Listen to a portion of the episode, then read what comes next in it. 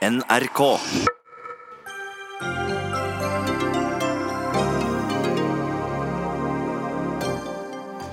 Frp ønsker ikke et kaldere samfunn, selv om Knut Arild Hareide gir inntrykk av nettopp det, sier nestleder Ketil Solvik-Olsen. Han tror mange Frp er skuffet over hvordan det blir fremstilt av KrF-lederen. Vi må ta et personlig moralsk ansvar i klimapolitikken, sier MDG-politiker Eivind Tredal. En moralsk pekefinger redder ikke verden, svarer MDG-politiker Per Espen Stoknes. De to møter hverandre i Dagsnytt 18. Hva betyr egentlig høyesterettsdommen som gir medhold til fastlegen som ble oppsagt fordi hun ikke ville sette inn spiral på kvinner? Var det en arbeidsrettssak, eller påvirker dommen reservasjonsretten? Og veganere går til kamp mot bæ bæ lille lam, mener den viser en falsk sannhet. Vi får ikke ull, men tar det.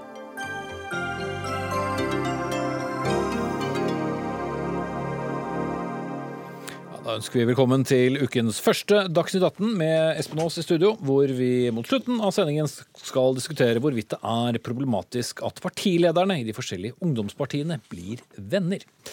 Men først, er det slik at varmen, anstendigheten og de gode verdiene ligger til venstre og i sentrum av norsk politikk? Det kan vi få inntrykk av at Knut Arild Hareide og mange med ham mener, skal vi tro flere politikere i Fremskrittspartiet som reagerer på fremstillingen.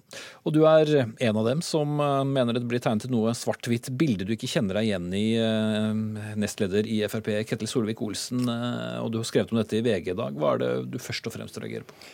Jeg reagerer på sånn som du beskriver det, at den gir inntrykk i den offentlige debatten som pågår nå, at hvis du vil ha et varmt samfunn, så må du tenke venstresiden i norsk politikk. fordi at på høyresiden så finner du et kaldt samfunn. Jeg, det stemmer ikke. Og jeg opplever det døgnet nå etter det sto på trykk på nett første gang, at veldig mye folk fra veldig mange ulike partier har gitt sin støtte til meg på det å si at endelig er det noen som tar opp den debatten òg. Fordi vi må kunne ha ulike standpunkt uten at den blir framstilt som varmt eller kaldt. Jeg vil jo for påstå at jeg tror ikke at samfunnet blir varmere bare fordi du får en større stat med byråkrater som skal ivareta vår velferd. Jeg tror velferd og et godt samfunn springer fra familie, fra sivilsamfunn, der staten er med å legge til rette for det, men ikke nødvendigvis overtar ansvaret alltid. Så er, det helt fair at vi har politiske vurderinger på hva fungerer best og ikke. Men det å gi inntrykk av at den ene sida har et kaldt hjerte og ikke tenker på det beste for mennesket i dette, det blir en veldig skeiv debatt. Det andre jeg har reagert på, det er jo når KrF nå har en viktig intern diskusjon. og Den tenker jeg, den skal vi andre partier la få være intern. Men når de hele veien påpeker at grunnen til at Hareide velger som han gjør, at Frp har så dårlige verdier, så er det òg noe jeg ikke kjenner meg igjen i. For jeg går i de samme kirkene som Hareide går. Jeg tror på den samme Gud. Eh, og jeg opplever at Vi har prester, vi har misjonærer, vi har predikanter som er med i Fremskrittspartiet. De blir plutselig satt nå ned på rangstigen at deres verdier, selv når de er prest, er ikke like god, for de har valgt seg Frp som sitt politiske standpunkt istedenfor et parti på venstresiden. La oss heve debatten litt og ikke mistro hverandres motiv i dette. La oss heller diskutere de ulike løsningene. Det er fair om Hareide velger venstresiden for han tror at han innfrir sine målsetninger best der. Men det betyr ikke at samfunnet automatisk blir varmere. Jeg vil påstå tvert imot. Mm.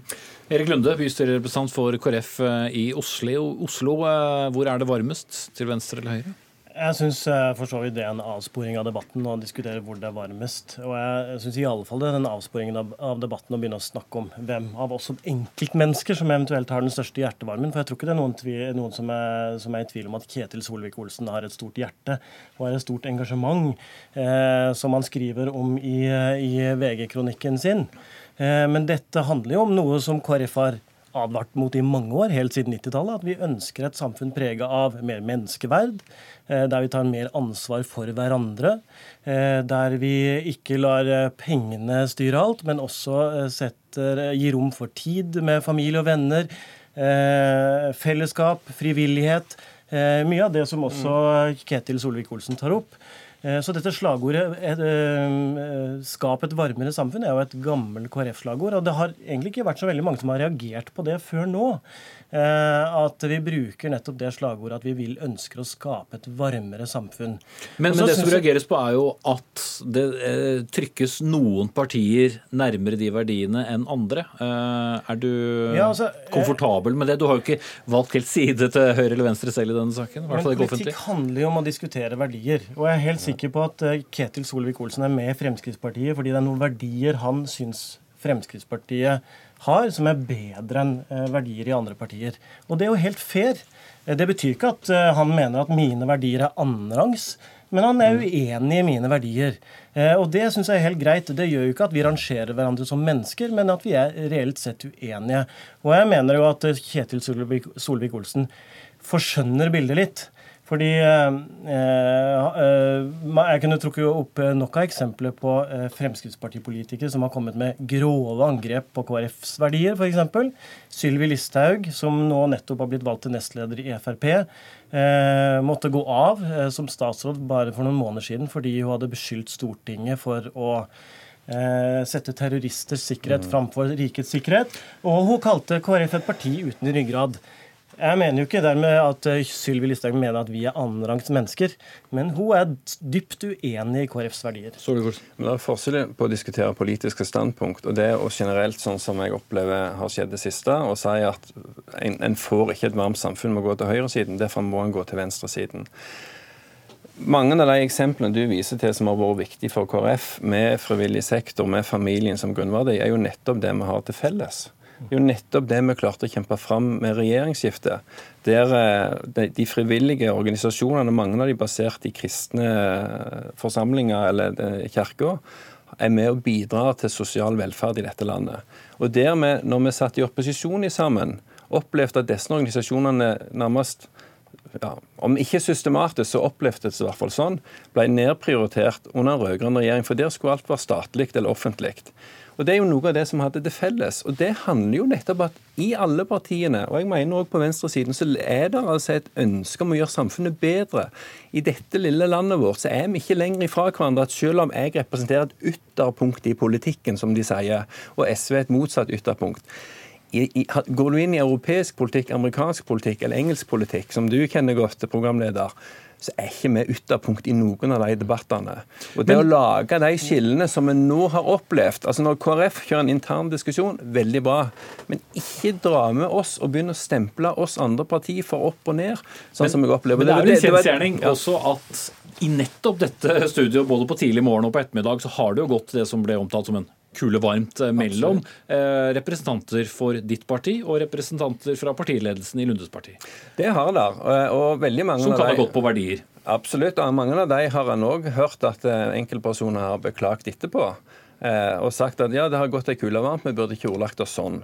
Og Det mener jeg òg en raushet i den politiske debatten en skal ta med seg. Og så merker jeg at i den diskusjonen som går nå, så blir ofte de beklagelsene uteglemt videre. Men det, men det som er altså Poenget mitt er slippe til ja. Eh, nå. Ja, det, jeg har aldri hørt eh, Kjetil Solvik-Olsen snakke om be, vært bekymra for at Frp polariserer debatten når de kommer med den type angrep på KrF. Men, men, men Solvik-Olsen later jo som om det ikke finnes uenigheter mellom partiene. og Når KrF skal, det, det masse når, når, skal, når KrF skal foreta sitt samarbeidsvalg, så må man jo også vurdere hvilke partier man ideologisk eh, og verdimessig står eh, nærme, og hvilke man står lenger fra.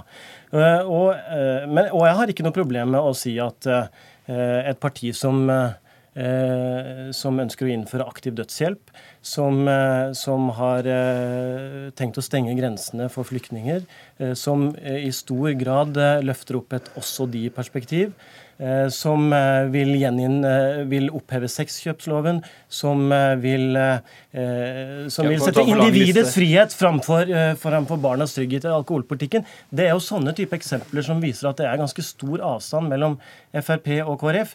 Og det er jo den type saker vi, vi snakker om når vi snakker om at Frp på noen områder fører en, eh, en, politikk som vi mener vil føre samfunnet galt av sted. Ja, men igjen så, så skaper man jo her da en slags eh, karakteristikk av motparten for å svartmale dem, og så skjønnmelde den andre parten. her. Mange av de argumentene som her dras fram, kan jeg fint moderere og vise at jo, det er enkeltstandpunkt som er sånn, men så er det en sammenheng de er satt fram i. F.eks. når det gjelder rus, som du tar opp det er jo nettopp med vår regjering at vi har fått opp satsingen på rusomsorg og psykiatri. Der vi har inkludert de, de, private organisasjonene på en langt bedre måte enn før for å få et bredere tilbud enn det som har vært. Der vi har sørget for at det nå er det vi kaller et pakkeforløp, en kjedelig beskrivelse, men der en person ikke skal oppleve å bli en kasteball mellom mange systemer. At det offentlige tar et ansvar, men bruker gjerne private aktører inn i dette. Sånn at Fortell hele den historien. og Det som er viktig i den diskusjonen her, det er altså at igjen, når noen begynner å heve opp seg sjøl og sier at motparten ikke står for det varme samfunnet. Det er da jeg fant behov for å skrive den kronikken som er i VG, for å vise at det er en balanse her som en òg bør ha med seg når et parti skal ta Og Du kunne vel strengt tatt lagd en ganske lang liste over ting dere er uenige med, både SV og Arbeiderpartiet og til og med Senterpartiet? Ja, men uh, når KrF snakker om kampen for et varmere samfunn, så har jo det ikke bare en brodd mot Frp, det har jo en brodd mot andre partier. Vi har brukt det i valgkamp etter valgkamp, eh, og det har ofte hatt en brodd mot både SV, Arbeiderpartiet, Høyre for den saks skyld. Eh, og jeg har sittet i dette studioet før, eh, det husker sikkert Kjetil Solvik-Olsen, og sagt at jeg ikke ønsker å stemple han som en kald person, og at jeg tror han har gode motiver. Men han representerer nå et parti som, som har åpna for aktiv dødshjelp, som, ja, du, som, du den, som vil stenge grensene. Altså, det, det, vi, man må jo ta inn over seg realitetene. Vi, vi skal ikke stenge grensene, altså, men vi skal, vi skal ha en strengere asylpolitikk og vi skal sørge for at vi hjelper mer de som trenger hjelp, og ikke ha den åpne politikken som andre partier har. Om det blir et varmere, kaldere eller helt likt samfunn temperaturmessig, får vi kanskje svar på 2.11., altså, når det er landsmøte i Kristelig Folkeparti. Takk til Ketil Solvik-Olsen, nestleder i Frp, og Erik Lunde, bystyrerepresentant for KrF i Oslo. Dagsnytt 18 alle hverdager kl 18.00 på NRK P2 og NRK2.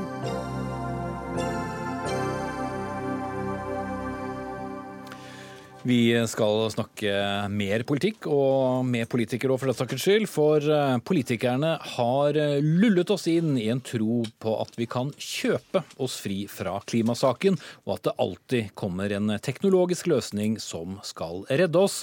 Det gjør det ikke. Vi må ta et større personlig moralsk ansvar for å redde klimaet. Ja, det mener MDG-politiker og forfatter Eivind Tredal. Og i en kronikk i helgen ble nettopp ansvar, eller mangel på ansvar, også tatt opp i en annen kronikk her i NRK på våre ytringssider. Og den var det du som skrev, forfatter Johan Mjønes. Aller først, kanskje du bare kan lese opp litt av det du skrev for de som ikke har lest den? Ja, det skal jeg gjøre. Uh, mine venner er hyklere. Mine venner er blinde, dumme, ignoranter. Mine venner later som de bryr seg, men gir faen, alle som en. Det går til helvete, på grunn av mine venner. Mine venner bruker handlenett av økologisk bomull for å redde miljøet. Ja. ja hvorfor skrev du dette? Nei, Det var et eh, hjertesukk eh, etter FNs eh, klimarapport som kom på mandag. Jeg gikk rundt med et litt sånn mørkt sinn, og så så jeg på det, det hykleriet som vi alle, og som jeg og som mine venner, er en del av. Det selvfordraget som vi driver med hver dag da vi flyr til Syden og flyr på vikentur, og samtidig snakker varmt om hvem vi stemmer på, hva vi ønsker å gjøre, og hvordan vi Er du en av dem? Ja, selvfølgelig. Per Espen eh, Stoknes, førsteamanuensis ved BI og nå vararepresentant på, på Stortinget for eh, MDG. Du sier at vi aldri vil få nordmenn til å slutte å fly. Hvordan kan du være så sikker på det? Fordi at uh, etter hvert som man får mer penger mellom hendene, så får folk lyst til å treffe familie, reise bort og koble av noen dager trenger å kommunisere med folk som de kjenner på nett, møter, konferanser osv. Det viser seg at eh, etter hvert som inntekten går opp, så vil reiseandelen av lommeboka øke. Og klimautslippene våre, da? Det er helt korrekt. fordi uh, Så lenge flyet går på fossile brennstoff, så vil det gå opp. Så det må vi gjøre noe med. Vi må gjøre flyindustrien til en del av løsninga på sikt. Så vi får bare gi opp og, og slutte å si til hverandre at vi må være flinkere? Stikk imot. Vi må som individer og borgere begynne å stille krav til politikerne om at eh, flyindustrien eh, ikke slusker unna, men at eh, når man selger en flybillett, så skal det være en ansvarlig flybillett. Men den moralske pekefingeren overfor hverandre, som vi har holdt på med kanskje i, i, mange år, du mener den ikke virker? Det er vitenskapelig bevist fra psykologisk forskning at den er, gir tilbakeslag på både avsenderen og på budskapet. Mm. Eivind Tredal, bystyremedlem for MDG i hovedstaden, også forfatter. Du mener vi må og kan ta et personlig valg i denne klimadebatten, bl.a. I, i boken din 'Det svarte mm. skiftet'. Hvilke, hvilke, valg kan vi ta?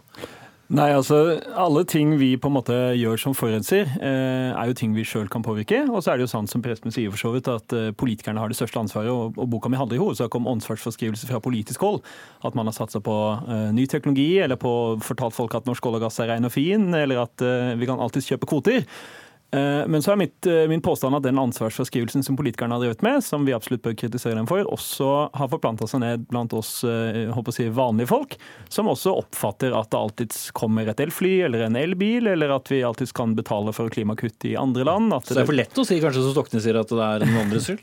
Ja, men utfordringa her er jo selvfølgelig at denne ansvarsforskrivelsen i hvert fall i mine øyne utgjør da en, en ond sirkel, hvor eh, altså, politikernes viktigste argument for å ikke innføre politikk som gjør verden mer miljøvennlig, er jo at de er redd for velgerne. De er redd for å tape neste valg. Eh, og folk flest sitt viktigste argument for å ikke leve miljøvennlig er at det ikke er lagt til rette. og Dermed så får man jo en ond sirkel. Og så er min poeng at vi kan jo alle bli med på å bryte den onde sirkelen. Vi kan jo selvfølgelig som privatpersoner Det er ingen som holder en pistol mot hodet vårt og tvinger oss til å reise til Thailand eller kjøpe en biff eller gjøre noe annet miljøskadelig. Veldig mye av det vi gjør som forurenser er høyst frivillig, og det kan vi jo selvfølgelig personlig ta ansvar for.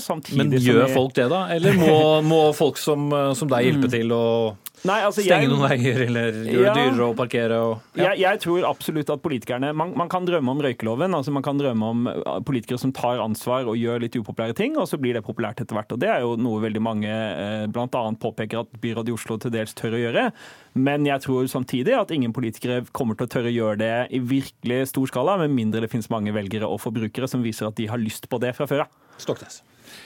Ja, og jeg reagerer jo litt når Terje kommer ut med en bok som han kaller 'Det svarte skiftet'. uh, Og kjefter folk huda full for å fly og, og, sånn. Og jeg er redd for at det med sånn uh, mørke budskap så blir miljøbevegelsen oppfatta som uh, nå er det som slutt på alt og kutt og nei og ikke gjør ditt og ikke gjør datt og du må ta det sammen og det du gjør er umoralsk og vi er moralske og vi er bedre, vi vet bedre enn hva du, hva du burde gjøre.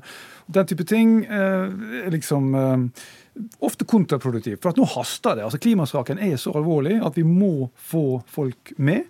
Og da må vi få fram det beste i folk. Og det gjør ikke vi med å, å kjefte og smelle. Det gjør vi med å få fram kreativitet, vilje til samarbeid og omstilling og ikke med en dommedag og en moralsk pekefinger. Ja. Blir det litt for mye kjefting fram og tilbake? Det hender vel at du kommer i litt lange debatter? Ja, ja, ikke sant. Men uh, jeg tror den viktigste grunnen til at folk ikke tar på miljø og klima i dag, eller tar miljøvennlige valg, ikke er uh, at de føler at de blir kjefta på, men at de får veldig mye positive budskap. Det er optimisme som er den største trusselen.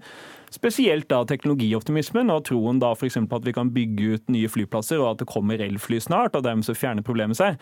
Den viktigste grunnen til at folk flest går eh, med åpne øyne rett mot eh, mange graders oppvarming, katastrofale klimaendringer, er at de er altfor optimistiske, og at de har ledere som er altfor optimistiske, og delvis da også en del miljøvernere som kanskje på Espen skal anklages for å være litt vel optimistisk og litt for opptatt av å være litt for smart. fordi jeg tror, det er, jeg tror de fleste kjenner på en uro, som også er en grunn til at denne kronikken i helga ble så mye delt. Vi vet at det vi gjør umulig kan være helt riktig. Og da er det, tror jeg, litt mer kontraproduktivt å prøve å gi folk for god samvittighet, fordi det vet vi jo i hvert fall ikke fungerer særlig godt. Tror du for godt om folk, Stoknes? Um, det som er at Vi må skille mellom ulike deler av befolkninga. Det vi vet er at Ca. 10-30% er såkalt klimaalarmerte. Dvs. Si at de har tatt inn over seg hva klimasaken betyr. Og så har du en 60-70% som uh, registrerer at det er noe klimagreier der men eh, det er langt fram. Det, er langt, det gjelder andre. Det, er på en måte, det kommer sikkert noen som fikser det. En sånn teknologioptimisme. Ja, men Er ikke det litt du sier, da? Hvis vi må vente på at teknologien kommer til rette? altså Hvis man skal ta den miljørapporten som kom samme dag som statsbudsjettet, altså for en uke siden, på, på alvor, så har vi ikke tid til å vente på all verdens uh, teknologi. Og da er jo spørsmålet mitt uh, hjelper det da å si jo jo, det kommer noen og redder oss? Kan vi det vi må gjøre, er å kreve innsats nå, og det er enkelt å komme i gang. F.eks. kan man begynne med å kjøpe kvote i europeisk kvotesystem. Personlig kjøpe fire ganger det jeg flyr for når jeg flyr, slik at da blir min eh, flyreise klimapositive. Og Så kan man kreve innblanding av klimapositivt drivstoff større og større. F.eks. Nordic Blue Crude eller Quantafuel eller eh, Lanzatec har allerede leveranser på dette. Det koster noe mer, men da må vi bare kreve at den som går på jetfuelen, og ikke andre. Det kan vi begynne med i dag. Og til sist er det som vi snakker om hybrid og elektriske ting på lang sikt. Men, Jeg må slippe til uh, han som ikke er i studio her, nemlig Johan uh, Mjønes, og høre hva slags konklusjoner du har dratt ut av, uh, av det du har hørt nå. Jo, takk for det. Nei, jeg lurer på om vi tør vi egentlig å ta sjansen på at det her er en diskusjon enten-eller. Altså, det er jo helt opplagt, mener jeg, at vi må la altså vi som enkeltindivid må tørre å stå til ansvar moralsk for de handlingene vi gjør.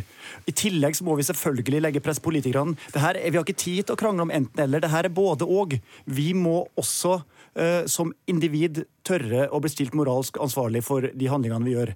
I alle fall når vi alle så godt vet at de er skadelige. Mm. Jeg liker jo veldig godt eh, fra 70-tallets miljøkamp, eh, som heldigvis ennå pryder en organisasjon, nemlig 'Framtiden i våre hender'. Altså at man gir folk eh, både et ansvar og en mulighet til å delta på sin egen hjemmebane og i sitt eget hverdagsliv, og snakker om politikk.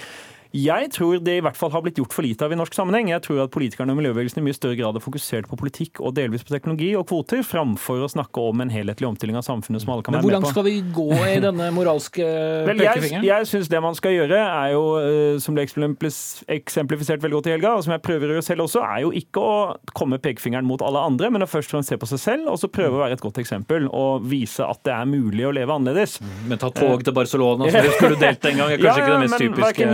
Eller de fleste andre som er MDG-ere og miljøvernere kjenner, lever plettfri liv. Men vi prøver nå i hvert fall å både ta tak i vår egen livsstil og vise at det er mulig å gjøre det utad. Eh, og Det tror jeg er en viktig del av en kulturendring som bygger opp under politikk. Fordi det er selvfølgelig sånn at Politikerne er som regel sjelden de første til å hoppe. De venter og ser om det er stemning for å hoppe, og så blir de med når de er trygge på at de kommer til å vinne neste valg hvis de gjør det.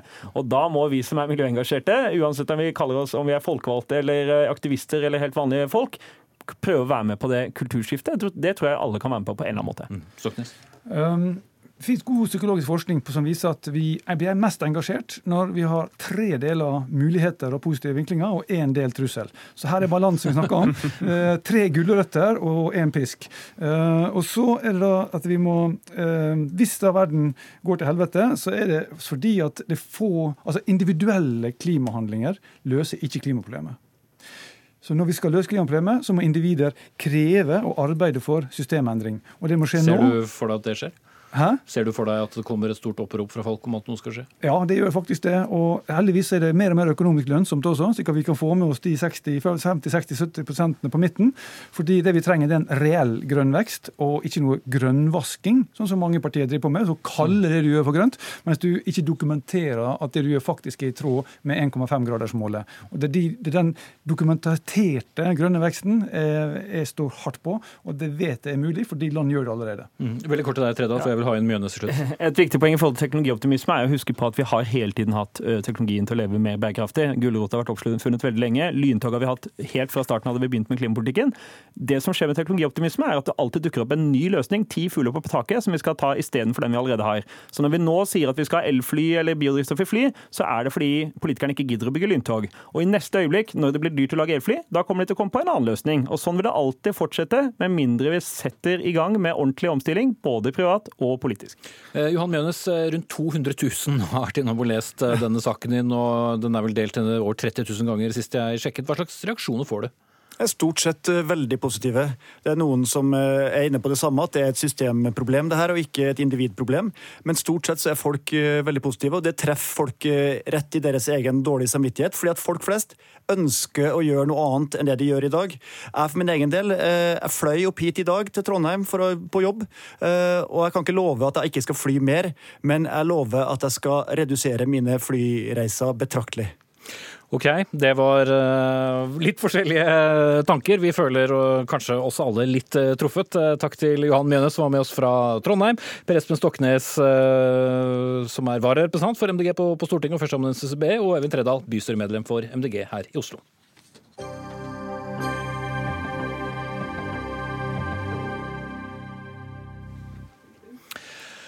Kan eh, dommen fra Høyesterett i den såkalte spiralnekt-saken endre reservasjonsretten for leger? For oppsigelsen av fastlegen som nektet å sette inn spiral på kvinner, den er nemlig ugyldig. Det sa et enstemmig Høyesterett før helgen. Dette er først og fremst en eh, arbeidsrettslig dom som tok utgangspunkt i at legen opplyste kommunen på forhånd at hun ikke ikke ville sette inn spiral, før hun da altså ble ansatt. Blekket på rettsdokumentet i Høyesterett hadde knapt rukket å tørke før politikerne begynte å diskutere de politiske konsekvensene av denne dommen. Og Håkon Blekken, du representerte fastlegen i denne saken som i, først og fremst var en arbeidsrettssak, men får den konsekvenser for andre leger? Eh, la meg først kommentere dette med arbeidsrettssak. Det var jo en ganske viktig avgjørelse i så måte. For det første fikk jo hun medhold i at hun var usaklig oppsagt. Nevnte, ja. Og for det andre så fastslo jo Høyesterett at det ikke var noe forbud mot å inngå slike avtaler før 1.1.2015. Med andre ord alle de andre fastlegene som hadde inngått slike avtaler og ble presset ut av jobbene sine som følge av endringen av forskriften i 2015. Det er jo det ble blitt begått et slags overgrep mot. De har mistet jobben uten at det var grunnlag for det. De kunne sagt det samme som henne, men de gikk ikke til sak. Så det er jo viktige ting å, å, å fastslå innledningsvis. Eh, så er det selvfølgelig eh, også slått fast at eh, denne beskyldningen om at fastlegene drev med snikinnføring av samvittighetsforbehold, som, som kom, den, var, den, er uten noe grunnlag. fordi Høyesterett slår jo fast at dette var en helt lovlig ordning fra helt tilbake til 1970-tallet og frem til 2015. Så, så sier Høyesterett at fra 2015 så er det innført et forbud mot samvittighetsforbehold. Og så er spørsmålet står det seg mot menneskerettighetskonvensjonen eh, artikkel 9 eh, om som, samvittighetsforhold. Ja. ja. Og så sier da eh, Høyesterett en rekke ting om den, på tross av at de ikke avgjør saken på grunnlaget av menneskerettighetskonvensjonen. Og spørsmålet er hvorfor gjør de det, og hva er innholdet i de signalene de gir. Etter min mening så er hovedsignalet at de opererer med to kategorier. Den ene kategorien er kvinner som, eller situasjoner hvor kvinnen ikke kan få utført denne tjenesten uten at en lege med samvittighetsforbehold gjør det, eller det fører til urimelige ulemper for henne om, ikke, hun, hun, om ikke legen gjør det. Mm. Eh, Ola Johan Settem, førsteamanuensis i rettsvitenskap ved Universitetet i Stavanger. Eh, slik du leser denne dommen, får den noen konsekvenser for eh, leger som eh, blir eh, ansatt fra i dag? Uh, ja, sånn, jeg er jo enig med Bleken et, et godt stykke på vei i hans analyse. Men jeg mener vel at dommen holder det veldig åpent Eh, hva, hva Høyesterett egentlig er forholdet mellom eh, den fastlegeforskriften vi nå har, og EMK, e artikkel 9, da, altså menneskerettighetene. At, at, at, at, rett og slett ut ifra denne dommen er ganske vanskelig å spå hva, hva Høyesterett vil komme til i en, en senere sak, hvor dette spørsmålet eventuelt kommer enda mer på spissen. Så de som mener at dette vil åpne for større reservasjonsrett enn det vi har i dag, jublet jubler de for tidlig? Ja, altså eh, det, er nok ingen av eh, partene i denne reservasjonsstriden som virkelig kan juble for seier etter denne dommen. Men hver av sidene får på en måte en scoring. Eh, på den måten at Høyesterett sier at på den ene siden så er dette med samvittighetsfrihet viktig og tungtveiende. For det sier Høyesterett. Eh, sånn at det å, å, å, på en måte nekte eh, denne typen reservasjoner, reservasjon mot å sette inn spiral f.eks., det, det er et inngrep i den samvittighetsfriheten. Men på den andre siden, sier Høyesterett, så eh, har det her skjedd en, en, avveining fra politisk hold. altså En har prøvd å veie eh, rettigheter og hensyn opp mot hverandre. Og, og at, at, domstolene da kanskje skal være tilbakeholdne med å overprøve den, eh, den avveiningen. Så, så, hva da som skulle bli resultatet i en senere sak, det, det, er rett og slett vanskelig å spå altså ut ifra denne dommen. Mm. Er du enig i det, Blekken? Ja, Det er jeg for så vidt enig i. og Det ville vært situasjonen uansett, fordi Menneskerettighetskonvensjonens artikkel 9 bygger på en eh, konkret avveining i den konkrete saken. Men det Høyesterett gjør, er å skille mellom to kategorier.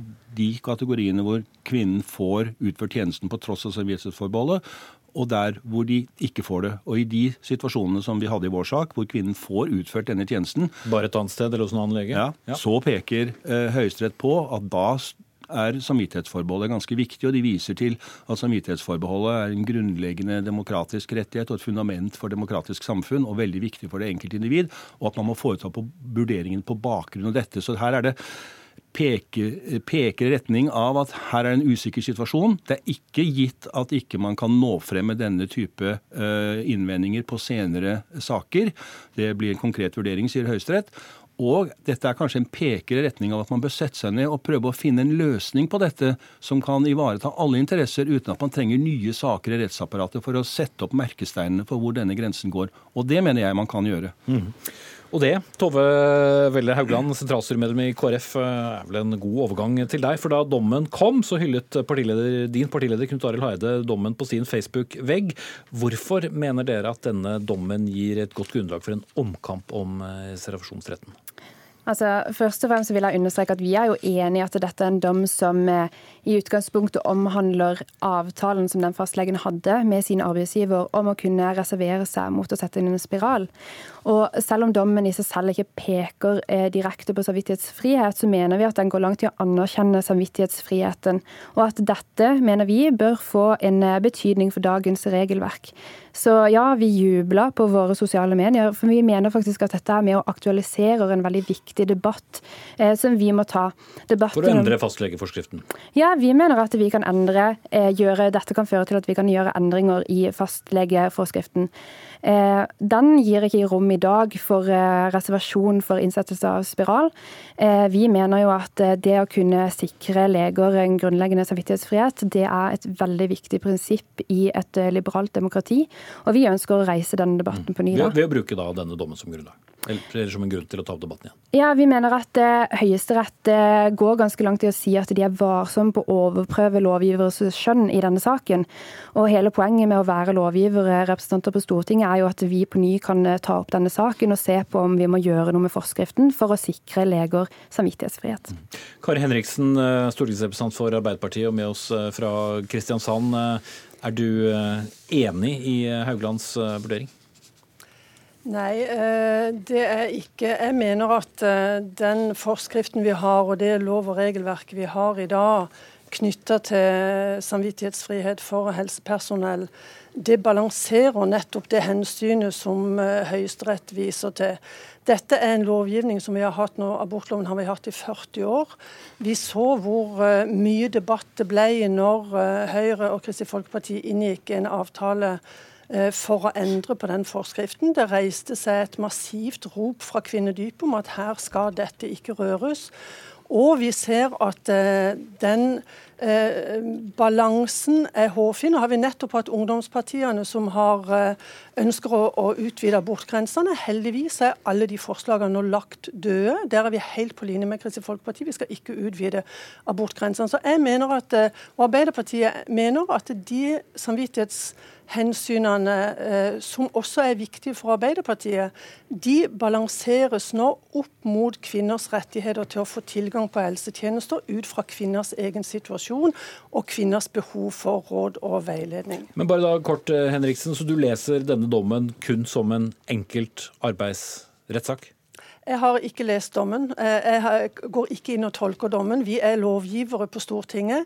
Dersom eh, regjeringa, som er den utøvende makt, eh, mener at denne tolkinga ikke er i tråd med regelverket, så må helseministeren gå inn og si at da må han komme tilbake til Stortinget eller endre forskriften i tråd med det som domstolen sier. Men sånn som jeg har forstått den offentlige debatt knytta til dette, og sånn som jeg også leser de to juristene som var inne her på, på faglig grunnlag, så er det ikke noe Denne loven tipper ikke verken i den ene eller den eller den andre retninga. Og det mener jeg er et veldig godt eksempel på at denne forskriften vi har, den treffer godt. Mm. Ja, eh, Dette er jo ganske kjente toner fra venstresida i denne debatten. At man ønsker å gjøre spørsmål om samvittighetsfrihet om til spørsmål om abort. Det er det jo overhodet ikke. Jeg har lyst til å referere til Hanne Sofie Greve, en av våre fremste jurister og tidligere dommer i Menneskerettighetsdomstolen. Hun sier at Europarådet har anbefalt å åpne for reservasjon, men at eh, man må gjøre det på en praktisk måte som ikke kommer i konflikt med kvinners rettighet. Det er vi enig i. Hun peker også på at alle land med selvbestemt abort klarer dette, bortsett fra Norge. Og jeg skulle ønske meg at vi fikk en debatt om samvittighetsfriheten som et grunnleggende prinsipp i det liberale demokrati, istedenfor å snakke om abortdebatten. For er det ikke sånn også for Arbeiderpartiet at man skal ha toleranse for ulike syn i dette samfunnet? Får man ikke da et rausere demokrati hvis man åpner opp for det? Eh, og det ønsker jeg å utfordre Arbeiderpartiet i denne saken. Herved utfordret Henriksen. Ja. Og det som, er, det som, jeg ser av denne debatten, det er det at vi er helt enige i at det må gå ei grense. Det må gå i grense for lege- og samvittighetsfritak. Der er Kristelig Folkeparti og Arbeiderpartiet helt på linje. Men det som er debatten, er jo hvor den grensa skal gå, og der skiller vi altså lag. Der mener Kristelig Folkeparti, sånn som jeg forstår det, at de ønsker å utvide den grensa, og at den utvidelsen vil balansere bedre. Mens Arbeiderpartiet mener at den grensa vi har i dag, og som jeg mener også hensyntar samvittighet Vi har en god lovgivning, mener jeg, i forhold til eh, samvittighetsfritak. Og der mener altså at Arbeiderpartiet at den grensa vi har i dag, den fungerer bra, og den har fungert bra. Sånn at vi ser ikke behov for å utvide eh, den eh, lovgivningen eller forskriftene sånn som eh, det er i dag. Haugland, kort. Ja, eh, for da må jeg spørre. Eh, er det ikke viktig da at arbeidstakere i Norge kan ha en egen etisk refleksjon? Er ikke det et viktig demokratisk prinsipp? Fordi at det, sånn som jeg forstår Henriksen nå, så imøtekommer ikke hun viktigheten av å ha samvittighetsfrihet som et av de mest eh, grunnleggende eh, prinsipper i demokratiet. Og jeg syns det er ganske spesielt at ikke denne grensa som Henriksen beskriver her, kan åpne opp for at vi sikrer et fåtall eh, norske leger en grunnleggende prinsipp, altså samvittighetsfrihet. Mm. Men da, da, må jeg bare si det at det er jo nettopp det jeg har sagt at vi gjør. Vi ivaretar og vi tar på alvor det kravet om samvittighetsfrihet. Det har vi gjort i lovgivningen helt fra 1970, og det gjør vi også i denne forskriften. Og vi mener altså at det balanserer godt sånn som det ligger i dag. Ok, men Da vil jeg gjerne ha inn eh, juristen her igjen, og, og Bleken først. Ja, altså For det første så vil jeg si at når det gjelder abort, så er ikke det et tema lenger i det hele tatt. Fastlegene har ikke lenger noe ansvar for aborthenvisning, så den problemstillingen kan vi bare legge til side. Det er et kompromissløsning som man fant. Og så er det slik at eh, Arbeiderpartiet og eh, de som eh, innførte regelverket, har innført et totalforbud mot eh, samvittighetsforbehold for fastlegene. Det er ingen som helst adgang til samvittighetsfrihet i det hele tatt. Og situasjonen før innføringen av det forbudet var jo at eh, det fungerte aldeles utmerket uten noen problemer at fastleger, et fåtall, kunne ha et forbehold Eh, når andre ivaretok eh, pasientenes interesser. Eh, og Det har vi sett har fungert i 35 år. I andre sammenhenger så har myndighetene godtatt samvittighetsforbehold, påforbehold, f.eks. når det gjelder rituell omskjæring av guttebarn i den loven. Så får legene slippe å være med på det hvis de syns at det er ubehagelig for samvittigheten. Så her er det heller ikke likebehandling av typer samvittighetsforbehold, og det er i seg selv problematisk. Så det avgjørende er hvorfor er det umulig å slippe opp dette totalforbudet og gå tilbake til en ordning som ligner i større grad på den vi hadde i 35 år før forbudet ble innført 1.1.2015. Og Det syns jeg ikke blir svart ut fra Arbeiderpartiets side her. Da skal du få sjansen, Henriksen. Det kan jeg gjøre, ja. Fordi at den fungerte ikke godt før de nye forskriftene kom. De nye forskriftene kom nettopp fordi det var stor ulikhet i Norge. Kvinner i Norge hadde forskjellig tilgang til den veiledninga, og det var en utfordring. Og Derfor, når Arbeiderpartiet hadde regjering, så sa vi at vi kan ikke leve med den ulikheten. Kvinner i Norge skal ha lik tilgang til helsetjenester uansett hvor de bor. Og Derfor så sa vi at det er ingen menneskerett å ha en fastlegejobb. Der må kommunen ordne det sånn at de skal ha tilgang til fastleger som kan gi kvinnene den helsehjelpen de har behov for, når de trenger det. Det er et utrolig viktig prinsipp for Arbeiderpartiet. Og vi ser jo at eh, den balansen vi har lagt fungerer bra. Og som du også sier, så er jo dette en avveining som Høyesterett har gjort, og de har ikke falt ned på noen side.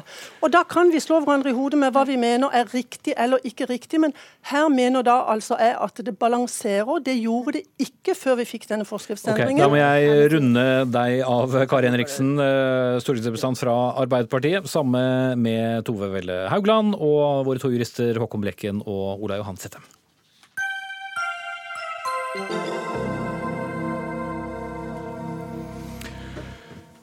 Barnesangen Bæ bæ lille lam den indoktrinerer barn til å tro at dyr er til for menneskers egen nytte. Det mener iallfall du, Samuel Rostøl, styremedlem i Norsk Vegansamfunn. Og forklar oss kort og greit på hvilken måte den gjør det.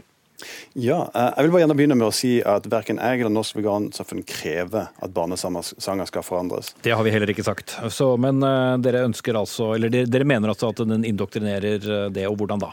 Ja, altså det blir sagt på, på NRK Dagsrevyen. Men eh, greia er at måten vi ser på dyr på, påvirkes veldig mye av hvordan vi eh, omtaler dyrene. I sangene som vi snakker om, da, så sier vi at, at dyrene gir fra seg noe som vi tar ifra dyrene.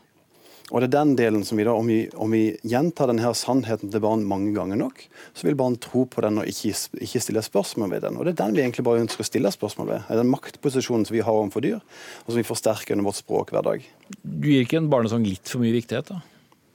Jeg tror, jeg tror, at vi egentlig gir språk for liten viktighet, spesielt overfor barn som venter på å få høre hva, hva sier voksne vi skal gjøre, og hva, hva, hva, er normalt i vårt samfunn. Og Vi i Norsk Vegansamfunn vi ønsker å forandre på hvordan vi ser på dyr. Vi ønsker at dyrene skal få en egen verdi, og vi ønsker at de skal få mer rettigheter i, vårt samfunn. Mm. Så strofen 'Har du noe øl? Ja, jeg har kroppen full. Den beskriver altså feilaktig eh, hvordan forholdet mellom mennesker og dyr er. Nå er det ikke sånn at Vi fokuserer kjempemye på å forandre barnesangene, men de, når, når, vi får spørsmål om det, så er det klart at vi ser at sangen i seg selv og teksten i seg selv sier at om dyrene skal gi det fra seg, så er det ikke sånn det egentlig ser ut. Vi tar det fra dyrene. Vi tar fra dyrene det de har, og så til slutt så dreper vi dyrene. Og så, og så måtte, gjemmer vi det bak en fin barnesang som får barna til å tro at alt er helt greit. Karl Fredrik Tangen, samfunnsgeograf ved Høgskolen Kristiania. Du mener at man ikke når så langt med å ta denne tilnærmingen til en eh, barnesang hva burde uh, Rostøl og hans uh, likesinnede heller gjort? Nei, jeg, jeg, jeg synes De er inne på noe interessant. Eh, det sier jo mye om kulturen vår. Hvordan vi behandler dyr. Altså hva, hva slags kosedyr barn har, hva slags dyr vi frykter. Um, men jeg tror nok at den Bæ bæ lille lam, da. selv om det er den mest kjente barnesangen uh, av alle, så er det jo en lang forhistorie der. Bibelen nevner jo lam og slakting av lam og offer av lam og Guds lam og sånn he he hele veien. Så jeg, de veier vel opp da, da, for barnesangen? Det er en slags sånn, i, i, i, den grad, sånn som det ble framstilt først, da, at kampen er for er å endre barnesangen, så tror jeg det er litt uh, fåfengt. Men å spørre hvorfor hvorfor den strofen og den sangen har så sterk plass i kulturen vår, det syns jeg er helt greit uh, å gjøre. Men uh, så er det vel også slik at uh, om man måtte mene det er riktig eller galt, så har folk tatt ull eller skinn eller hår eller og for den saks skyld også kjøtt fra, fra husdyr opp gjennom mange år. Så da skulle vi heller sagt at det er det vi gjør? ja, det, det det har jo skjedd noen endringer der, f.eks. hvordan blir uh, mørkhuda framstilt i, i, barnebøker. Så er det ord som du ikke skal bruke om dem uh, Negerkonge, hottentott pappa, ja, pappaen til, pappaen til Pippi skal bli fjerna. Altså, og det blir jo en bevissthet rundt det, sånn at når det kommer ny barnelitteratur, så kanskje så, så blir den litt, uh, litt, annerledes. Men jeg tror vel kan, altså, det er jo en slags idé her om at hvis vi får fram sannheten om hvordan dyr har det uh, i, i stallen og i fjøset, og hvordan dyr blir slakta, og så vil folk slutte å spise kjøtt. Som, I hvert fall, i hvert fall mange, mange, flere. Det vil jo bli en eller annen form for reaksjon. Jeg tror at folk er en voldsomt god evne til å legitimere det de vil gjøre. Ja, hva mener du nå? Så ja, det, selv om uh... ja, men, altså, når, når, det er sånn da, at kjøtt, altså, lammekjøtt er knytta til påske, um, f.eks så skal mye til å gjøre noe med at folk vil spise lammekjøtt i påska, fordi det sitter så veldig sånn hardt i kulturen. Og Det er jo det den sangen og lammets rolle overalt og sånn viser, at her er det et eller annet med måten folk lever på i det hele tatt, og det dyret, som er så sammenvevd at det er kjempevanskelig jobb som veganerne har tatt eh, på seg, når du vil gjøre noe, gjøre noe med det. Ja, Rossel, hvordan skal du vinne den kampen? Og her sånn, så er det jo en det er jo en ganske liten organisasjon eh, med en mening som ikke ble slått så veldig hardt opp eh, heller. Og så diskuterer vi den her. Og jeg har sett den på Facebook uten at jeg egentlig fulgte med i dag. Så plutselig så kom det masse sånne oppslag. Se hva han tullingen her uh, sier. Og hvorfor reagerer folk så mye? Når han, ja. Det er noe nesten slippe til Rostøl her, sånn Tangen. På noe sentralt. Rostøl, er det en, en umulig kamp du har uh, igangsatt? Nei, det tror jeg absolutt ikke. Det er ikke jeg som har igangsatt den heller. Vi har holdt på veldig lenge, og vi er veldig mange som syns dyrene, dyrenes posisjon er viktig. Men så, som, som, han sier, så er det jo språket som vi bruker om dyr og om andre, påvirker oss veldig mye. Og, og vi går bort fra visse formuleringer, for vi ser at det skader. Vi har gått bort fra formuleringer om både, om både svarte mennesker og om kvinner som har, som har, stilt de unna oss, fordi at vi ser at de skader andre uskyldige. Og det er den posisjonen vi da tar, at dyrene er noe det nye og viktige og uskyldige grupper. Vi, vi, har brukt de lenge, og vi fortsetter å bruke de, og folk vil gjerne spise de. Det er klart at folk vil det. Vi har gjort det så lenge, og det er veldig godt. Men, men kampen er ikke umulig. Vi har kjempa lenge, og vi kommer til å kjempe lenge. For det er så utrolig viktig at folk ser dyrene for hva de faktisk er, og det er fantastiske individer som bare ønsker å elske og leve. Hvordan syns du det har blitt mottatt, dette budskapet? Veldig dårlig. Uh, altså, nå tenker jeg på selvfølgelig de, de sangene som vi diskuterer i dag. Um, det var nok aldri meningen at det skulle bli en så het potet. Uh, vi vi syntes det var en artig liten sangtekst som ble posta på Facebook. Vi fikk spørsmål om hva vi syntes, og vi svarte litt på det. Og så, og så hadde jeg blåst ut kjempemye av proporsjoner. Um, men at folk møte argumentet om veganisme og dyre, dyrevern og, og, og, se på dyrene som verdifulle, det har et helt annet inntrykk av. Folk tar dyrene mer og mer seriøst, og folk bryr seg mer og mer om dyrene i hverdagen. Gjør du som Tangen og sidestiller det med gamle Pippi eller Astrid Lindgren-tekster og, og, for så vidt av Torbjørn Egner? Nei, men jeg tror, jeg tror, det er veldig viktig å skille ulike kamper fra hverandre. Kampen for, for menneskers rettigheter og kampen for dyrs, dyrs rettigheter er veldig ulike kamper. Men språkbruken som ligger til grunn der, er veldig lik. Vi har en språkbruk der vi, der vi posisjonerer oss over, over, noen andre. Og Det er den språkbruken som vi i Norsk Vegansamfunn prøver å, å, å, bryte ned litt etter litt. Og så ble kanskje denne artikkelen en skivebom, i alle fall eh, i, i sosiale medier. Men, men, her er vi og debatterer det, og vi snakker om det på en veldig, veldig fornuftig måte, og, og det er veldig hyggelig. Mm. Men, at, men, å tenke at barne kulturen og barnefortellingen og fortellingene våre skal liksom være helt sanne, det blir jo litt gærent. Og så Eventyr om reven og ulven og hvem det nå er for noe. Når det går Rockeulven på Nationaltheatret, så er det jo ikke fordi det er en, som en sann fortelling, men allikevel så sier det jo litt uh, om, uh, om, om mennesket og menneskets rolle til dyra. Og jeg synes jo nettopp, Det er jo skrevet sosialantropologiske artikler om den der ideen om at dyra gir oss gave. Hadde du spurt sauen bæ, lille lam, har du noe ull, så hadde han sagt kanskje at eh, nei, jeg har, vil jeg beholde den ullen og så vil jeg henge ute med de andre sauene ja. i, i, Det hadde i hvert fall ikke blitt. Eh, to par strømper til bitte lillebror, la nå det være slått fast. Takk skal dere ha, Samuel Rostøl, styremedlem i Norsk Vegansamfunn, og Carl Fredrik Tangen, samfunnsgeograf ved Høgskolen Kristiania. Hør Dagsnytt 18 når du vil. Radio NRK Radio.nrk.no.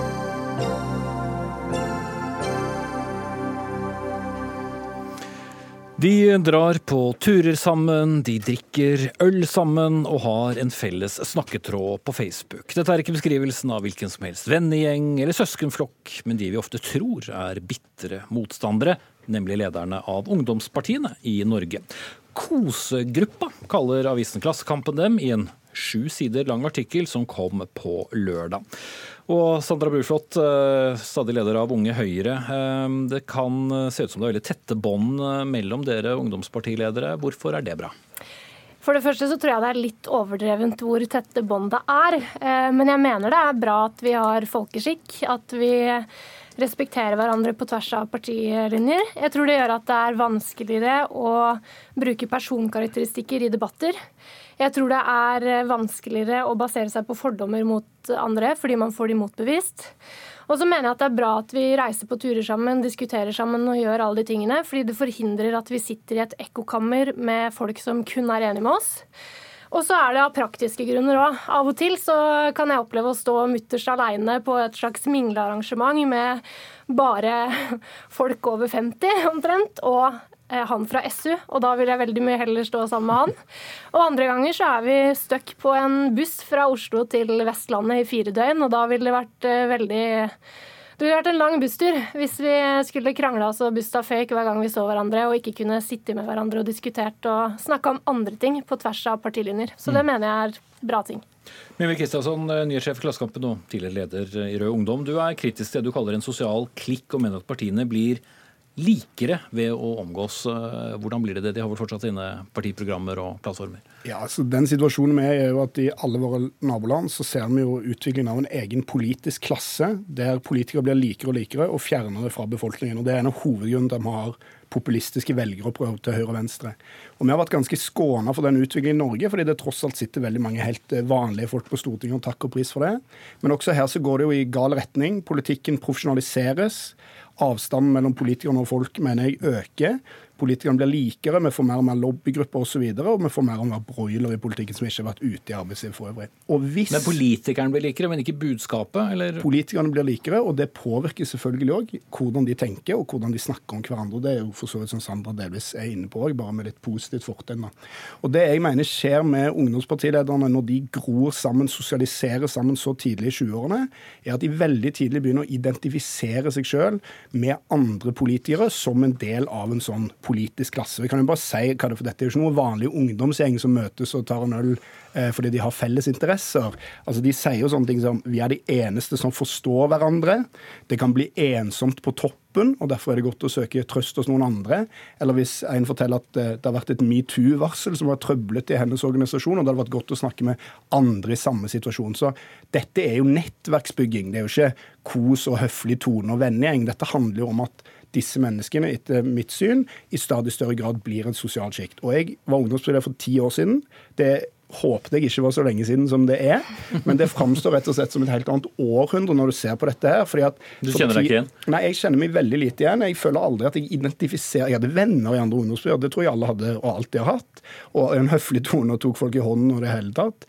Men jeg kjenner meg ikke igjen i denne byggingen av et sånt fellessjikt som sitter fire døgn i Veldig treig buss forresten dere tar hvis det tar fire døgn fra Oslo til Vestlandet. Men, Brufot, men som hele veien er sammen rister på, på hodet nå. Er det fordi at du er rystet over den utviklingen du er en del av, eller fordi du er eh, uenig med Kristiansen? Nei, jeg er uenig. Jeg syns jo man undervurderer eh, folk hvis man mener at åh, dere har en god tone, så nå blir dere omtrent sånn som sånn vennegjeng som jo, ikke klarer å være kritiske. Poenget med at dere blir en klikk da, med, ja. med politiske ungdomsledere, og at du, du, ender opp med å snakke mer med andre ja. politiske topper enn en folk flest? Ja, jeg mener Man må svare for de uttalelsene man har hatt i Klassekampen sjøl. Jeg er ikke enig i at jeg har mer til felles med de andre enn mine egne medlemmer i Unge Høyre. Det er heller ikke sånn at jeg snakker mer med de andre enn jeg snakker med de Unge Høyre.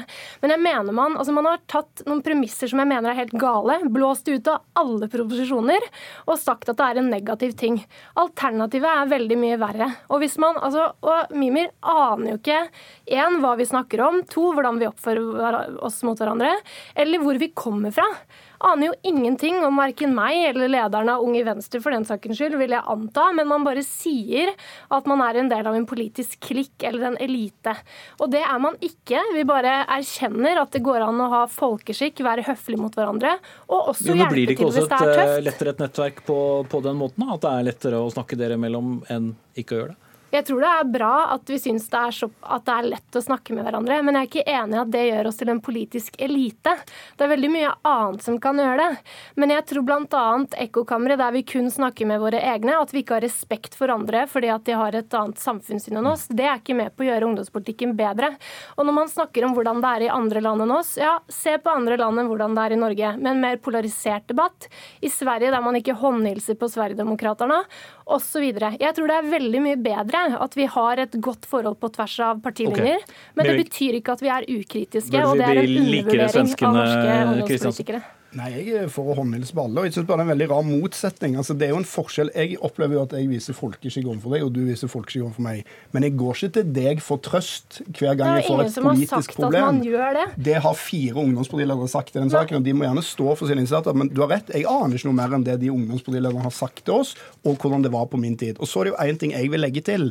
Disse turene, disse treffene, alle disse tingene, de er jo betalt av noen. De er jo satt i stand av noen. For ti mm. år siden da jeg drev på, fantes ikke Arendalsuka med alt det har av næringsinteresser.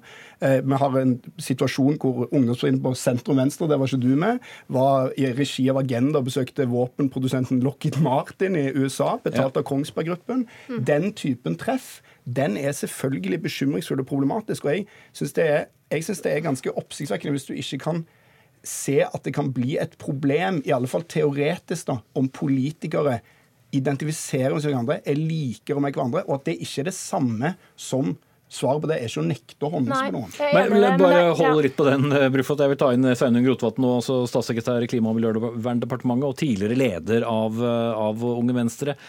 Blir man ikke litt likere av bare å henge med politikere?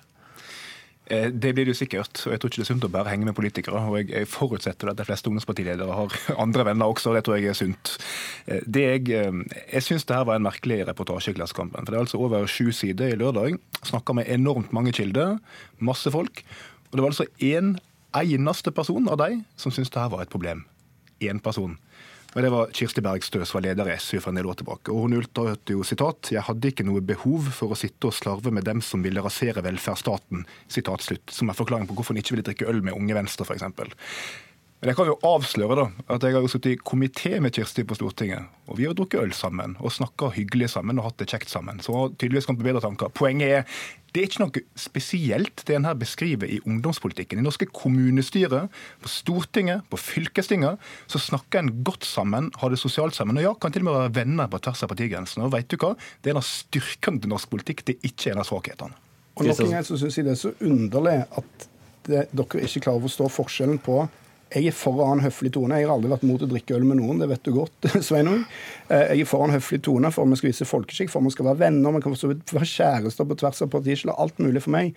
Men her snakker man altså om utviklingen av en politisk klasse. Du har helt rett. Dette er ikke unikt for ungdomspolitikerne. Det har jeg aldri hevda. Jeg mener tvert imot dette er et lite symptom på en mye bredere utvikling, der avstanden mellom politikere og befolkningen øker, fordi politikken profesjonaliseres, fordi det blir flere lobbyister, flere kommunikasjonsrådgivere, og for politikerne ligner mer på hverandre, snakker mer med hverandre enn de gjorde før. Vi er mye bedre enn i andre land, men det går dessverre i feil retning i Norge, og det er rart at dere ikke er bekymra for det. Jeg, mener man legger noen premisser som er veldig rare, eller som man ikke vet om er der. OK, greit, du var ungdomspolitiker for ti år siden. Du kan bare fastslå at det er ikke sånn som det var da, eller at ting var bedre før.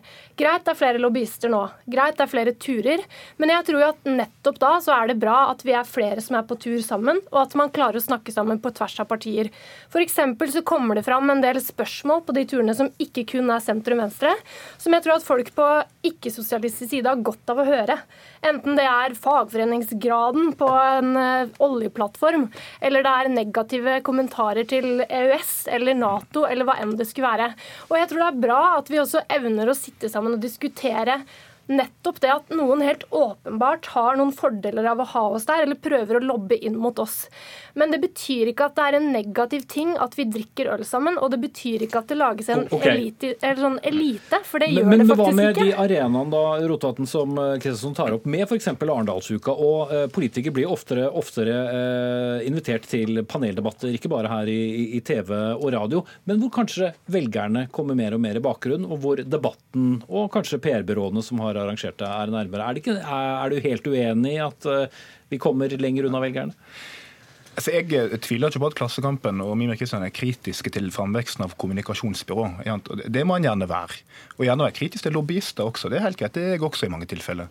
Men jeg tror bare koblinga til det at politikere omgås sosialt, som gjør hovedvinklinga her, er, er, veldig rar. For jeg tror det har fint lite med det å gjøre. Og jeg eh, har vært på en rekke slike turer da jeg var ungdomspartileder for åtte år siden. Så jeg tror ikke ting har forandra seg så radikalt i det siste.